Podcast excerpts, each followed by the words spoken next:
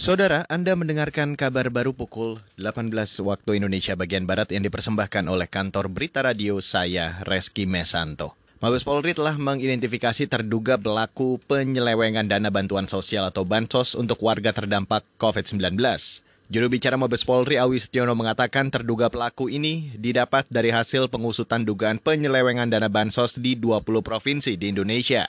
Namun Awi tak menyebut rinci identitas terduga pelaku yang dimaksud. Modus-modus yang digunakan pelaku di antaranya memotong dana bansos dan tidak membagi bansos secara merata.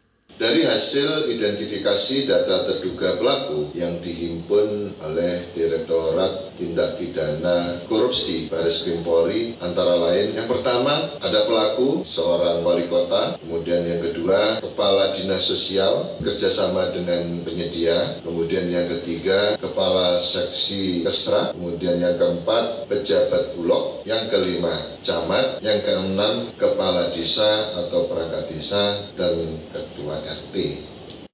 Juru bicara Mabes Polri Awi Setiono menambahkan jika dalam pemeriksaan ditemukan bukti pelanggaran pidana dan kerugian negara yang besar, kasus akan ditindaklanjuti oleh aparat penegak hukum. Namun jika tidak ada unsur pidana dan tidak mengakibatkan kerugian besar, kasus akan dilimpahkan ke aparat pengawasan intern pemerintah atau APIP. Hingga 24 Juli 2020, Polri telah menindaklanjuti 102 kasus dugaan penyelewengan dana bansos di 20 provinsi. Kasus terbanyak terjadi di Sumatera Utara dengan 38 kasus dan Jawa Barat 18 kasus. Beralih ke informasi selanjutnya, Pengadilan Negeri Jakarta Selatan tidak dapat menerima permohonan peninjauan kembali atau PK yang diajukan terpidana kasus korupsi pengalihan hak tagih atau CC PT Bank Bali Joko Chandra. Jubir PN Jaksel Suarso menyatakan PN Jaksel menimbang putusan itu berdasarkan surat edaran Mahkamah Agung tentang pengajuan permohonan peninjauan kembali dalam perkara pidana.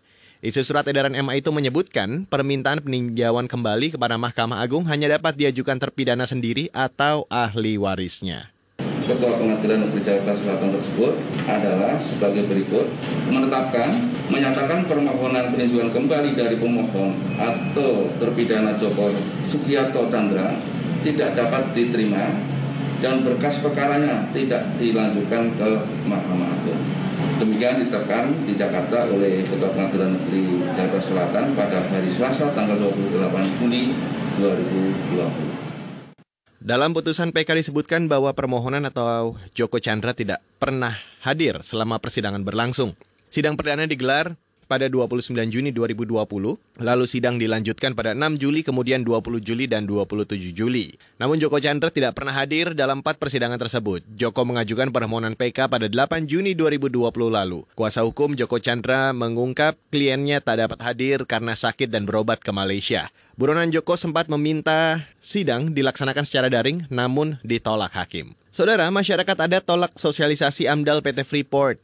Masyarakat adat suku Amungme dan Kamoro menolak sosialisasi analisis mengenai dampak lingkungan atau AMDAL oleh PT Freeport Indonesia. Sekretaris Forum Pemilik Hak Ulayat Area Penambangan PT Freeport Indonesia, Johan Songgonau, mengatakan masyarakat adat mempertanyakan mengapa baru kali ini pihak perusahaan mau mensosialisasikan AMDAL. Padahal tambang emas dan tembaga tersebut sudah beroperasi selama 53 tahun di wilayah mereka. Sangat menolak hal itu karena beberapa hal yang terjadi selama ini banyak hal yang mereka memanipulasi sehingga mereka memetik keuntungan dari kejujuran, keikhlasan masyarakat selama ini.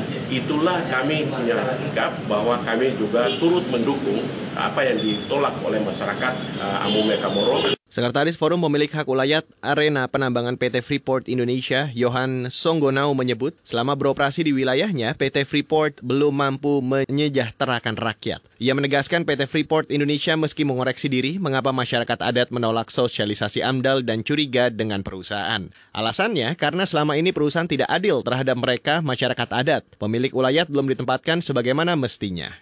Demikian kabar baru KBR, saya Reski Mesanto.